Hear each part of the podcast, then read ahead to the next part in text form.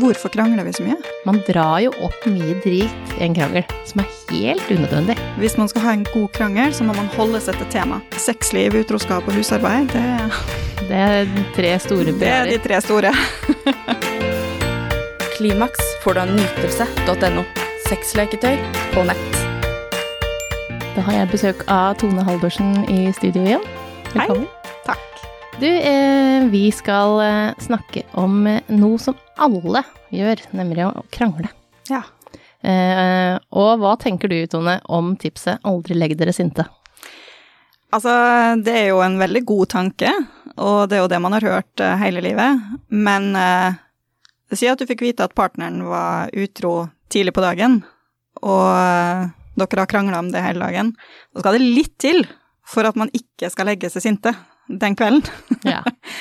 Eh, Så det er jo en, eh, en god regel at man skal i hvert fall ha løst opp det verste, og at man ikke skal legge seg når man er på topp i krangelen, men at man kan greie å roe seg ned og kanskje legge k- krangelen på stedet hvil litt, sette det på pause til dagen etter eksempel, eller føle at man i hvert fall har kommet litt til bunns i problemet før man legger seg. Mm. Men det er utopisk å tenke at man aldri skal legge seg sinte. Mm. Det, det går ikke. Klimaks får du av nytelse.no. Akkurat nå får du 20% avslag om du bruker rabattkoden KLIMAKS neste gang du handler. Det skjønner jeg når du sier det, men når jeg krangler, da får ikke jeg sove eh, et sekund eh, før jeg er ferdig med det. Og jeg kan godt sitte til klokka seks på morgenen, eller utsette å dra på jobb nesten, altså, for at jeg vil bli ferdig med en ting. Og det er sikkert ganske mange som kjenner seg igjen i det, og så er kanskje partneren den som trenger timeout. Mm. Hva gjør man da? Da må man jo bli enige og finne ut hvordan kan man fungere i det her. Mm. Og det beste da er å ha kommunikasjonsverktøy som gjør at man faktisk kan komme fram til en løsning. For det å skulle stå og rope og skrike til hverandre, det hjelper jo ikke. Nei, man blir Men, jo veldig lite konstruktiv når man krangler. Absolutt. Og man har jo også Altså, det som skjer når man blir sint, da, så aktiverer man jo det sympatiske nervesystemet. Så alle fight or flight-reseptorene i kroppen vår bare gønner på, ikke sant? Mm. Og da greier man heller ikke å tenke klart, fordi at kroppen er i ubalanse. Mm. Så det er veldig viktig å få aktivert det parasympatiske nervesystemet også for å få roe kroppen ned og skape en balanse. Så når man har fått ut den verste eksplosjonen, eh, gjerne ved å hyle i en pute eller eh, for seg sjøl, så kan man heller sette seg ned og snakke konstruktivt sammen med gode verktøy. Eh, Mm. Og da kan det i mange tilfeller være nok til å greie å legge seg og sove godt, sjøl om krangelen kanskje ikke er ferdig. Mm. For det hjelper egentlig ikke å gå til klokka seks om morgenen heller, da, Nei, og ha søvnmangel, og så skal hjernen være fullstendig grøt, og Mm. så skal man ta det opp igjen fordi at man kanskje ikke ble ferdig før jobb, da. Altså Mm. man verken sovet på natta, blitt ferdig med krangelen, og så skal man starte på nytt når man kommer hjem fra jobb, søvndeprived og, og sulten og Hjelper jo sliten. Ingenting. Jeg vet jo det, men åssen klarer man å krangle på en sunn måte da, Tone? Det er jo å lytte, da. Lytte til hva som faktisk blir sagt. Og den største feilen 99% av eh, de som krangler gjør, det å sitte og tenke ut et forsvar mens partneren snakker. Ja, det er viktig å ha et godt svar, ikke sant? Der Ja, kjenner vi oss Og Et godt comeback må til, ikke Ja. sant? Eller et godt forsvar. Ja. Men da hører man jo ikke hva partneren sier. Og så har man jo veldig behov for å fortelle sin versjon. Hvorfor jeg reagerte sånn som jeg gjorde. Eh, og hvordan du tok det imot. Det, var, det er to helt forskjellige ting. Absolutt. Og så kan man sitte og tolke underveis, ikke sant. Når eh, hun sa det på den måten, så mener hun egentlig det, eller når han sa det sånn, da, da lyver han egentlig fordi at han mener sånn. Og så tolker man ut fra sine egne referanserammer, Mm. og så blir det dårlig stemning. Ja. Og det er da man ofte legger seg og har den uroen i kroppen. Hvis Mm. man føler seg lytta til og føler at man blir møtt i de vonde følelsene, så er det lettere å gå og legge seg og kunne sove sjøl om krangelen kanskje ikke er overstått. Ja. Så det å, det å komme på et godt sted der man føler at vi er i synk, Ja. og da er det jo å ta tur, ikke sant? Det å snakke på tur. Gi hverandre tid til å lytte, gi hverandre tid til å svare tilbake, la begge få fortelle sin versjon. Det er det vi gjør i parterapi. Ja. Men sånn, ikke sant, det er så lett eh, når du sier det sånn. Eh, for det er jo lettere noen ganger at noen andre kommer inn og, og nesten er en ordstyrer. Mm. Fordi at man har så behov av å si Men herregud, det var sånn, jeg Du skjønner at jeg føler det sånn når du gjør sånn. Eh, og så har man masse følelser, og så kommer jo Nytelse.no. også ganske mange andre ting inn i en krangel. Så kommer det tidligere krangler, eller irritasjoner som har vært over lang tid. Man drar jo opp mye drit i en krangel som er helt unødvendig. Ja, ja. Og da kommer alt, Ja. ikke sant. Så hvis det skjer en stor ting, da, da kommer alle de småtingene som man kanskje har følt har vært smålig å krangle om tidligere, og latt det være, de kommer opp i en krangel. Og der er det også viktig å passe på. Hvis man skal ha en god krangel, så må man holde seg til tema. Hva er det vi er uenige om her og nå? Og så heller spre det utover til flere andre krangler også, hvis man har flere ting. For hvis man skal pakke alt ut på en gang, da blir det en sånn atomeksplosjon. Og så er det ingenting som kan overleve, fordi at det, det blir så voldsomt. Mm. Og så føler man da at det, ah, det her er jo ikke noe, det her funker jo ikke. Og så blir man jo veldig sånn I en krangel når det står på som verst, så kan man jo nesten bli sånn eh, ok, da får jeg være aleine, da. Og så planlegger man ut ifra eh, at man skal egentlig være singel, bare fordi man har krangla litt. Mm. Og alle krangler. Alle krangler. For vi er jo, selv om man er et par, så er man jo ikke helt like. Nei, nei. Og det kan man jo ikke være heller. Gud, så kjedelig. Ja.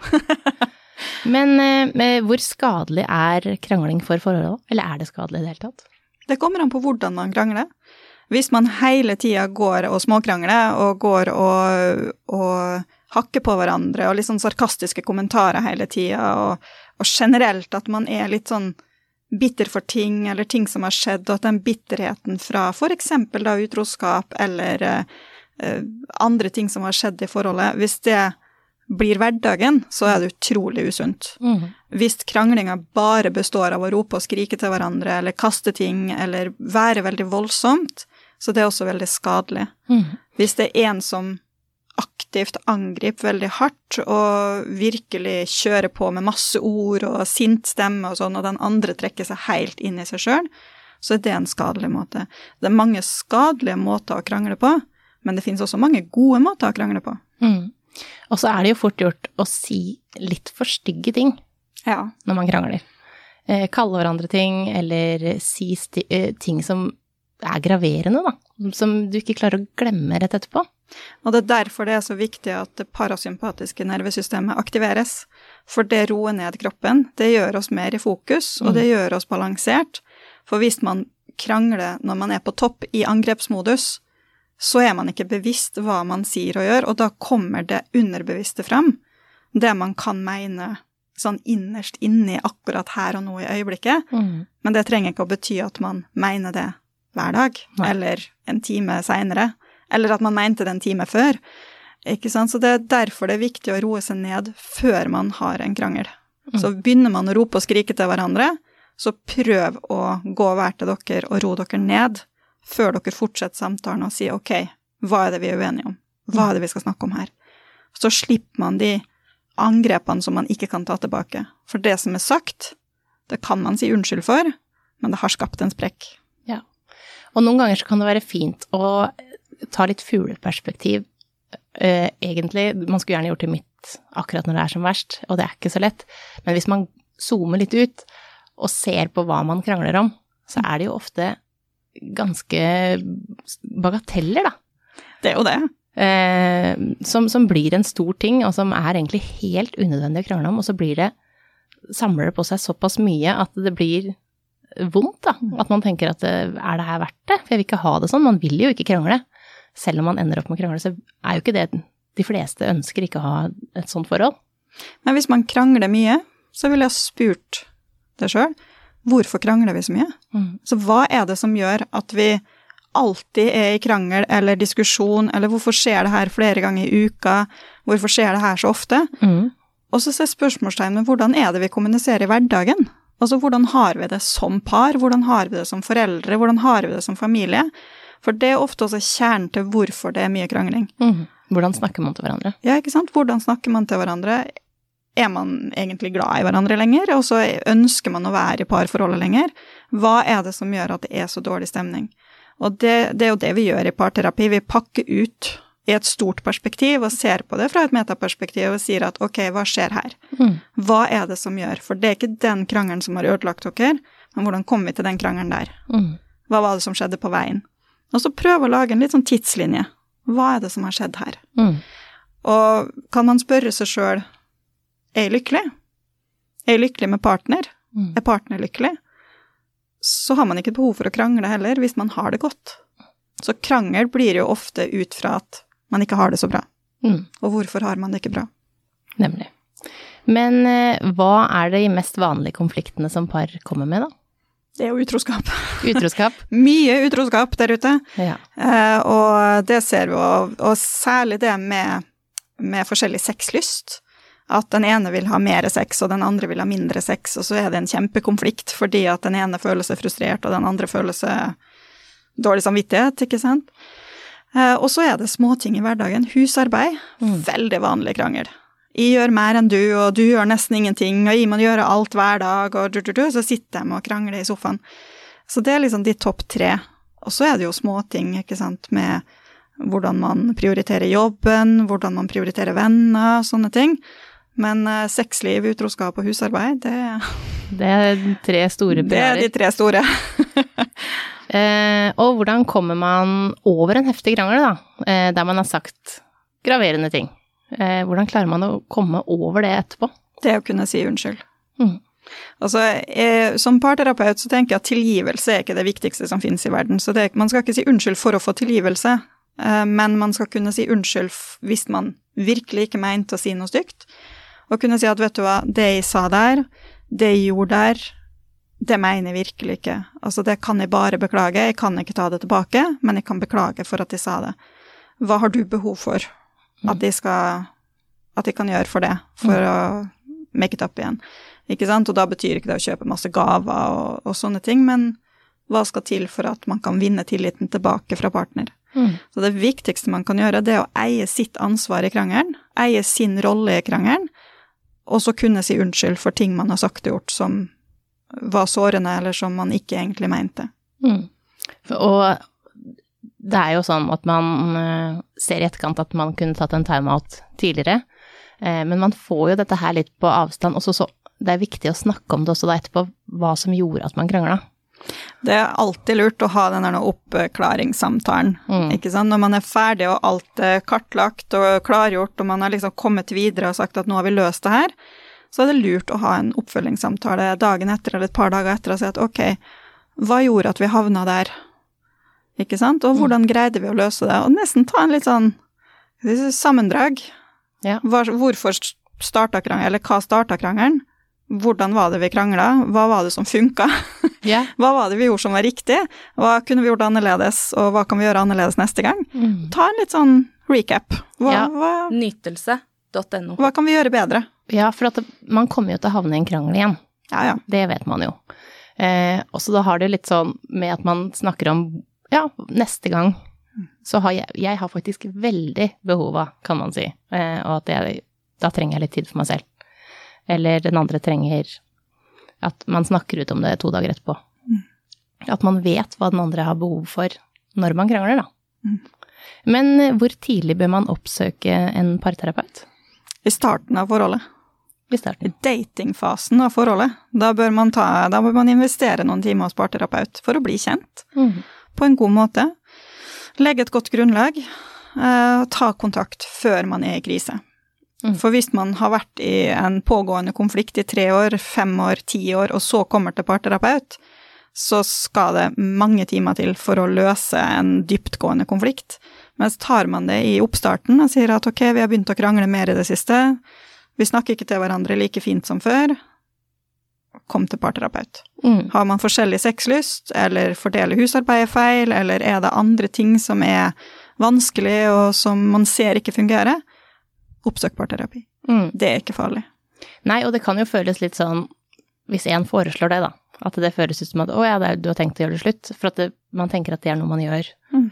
rett før det blir over. Men det er jo veldig viktig å lære det, hvordan vi kommuniserer med hverandre. Det som skaper brudd, da, det er hvis én kommer og foreslår parterapi, og den andre sier nei. Mm. Og veldig mange som kommer til meg, de har foreslått parterapi til partneren flere ganger og fått avslag, og så sier partneren ja, når det er litt sånn enten du or die, enten så Mm. går vi til parterapi, eller så slår vi opp eller går fra hverandre. Og da er det for seint. Altså, man er nødt til å, å bare ta det før det kommer så langt. Så hvis partneren din foreslår parterapi til deg, si ja første gang.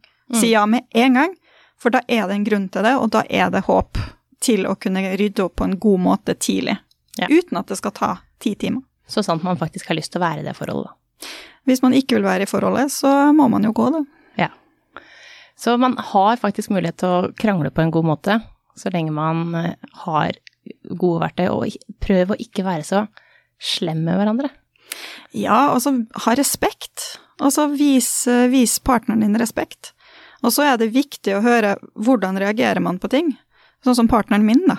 Hvis de hadde blitt sint, og jeg har et voldsomt temperament, altså vi har vidt forskjellig temperament, så jeg kan jo fyre meg opp for ingenting. Men jeg vet at hvis jeg hever stemmen og blir sint på han, så trekker han seg helt inn i seg sjøl, og så kommer vi ingen vei. Mm. Og så kan det være langvarig.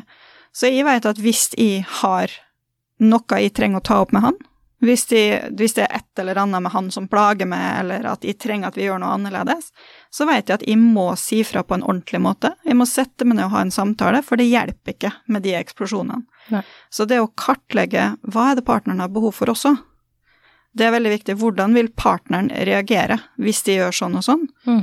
For hvis man prøver da å tilpasse seg partnerens reaksjonsmønster og behov, så er det også lettere å få gjennom det man ønsker. Mm. Og så er det superviktig, og det kan ikke få sagt høyt nok, bruk jeg-form. Ikke kast anklager og sitte og du gjør sånn, og du gjør ditt, og du skal Når du gjør sånn, så du-du-du-du-du. Ja. jeg føler at når vi er i denne situasjonen her, så blir jeg sånn og sånn. Eller hvis du ikke hjelper til på den måten her, eller hvis du ikke gjør det, da føler jeg det sånn. Så hold det på egen banehandel. Mm. Og en ting som også er viktig å ikke si, er alltid og aldri. Mm. Yes. Veldig viktig. For det er ingenting som er aldri, og det er ingenting som er alltid. Nemlig. For at det er så fort gjort å si 'du gjør aldri sånn', jeg gjør alltid det. Mm. Og så at man er litt greiere med hverandre. Takk for at du kom og lærte oss å krangle på en eh, god måte, Tone. Takk for at jeg fikk komme. Klimaks får du av nytelse.no. Sexleketøy på nett.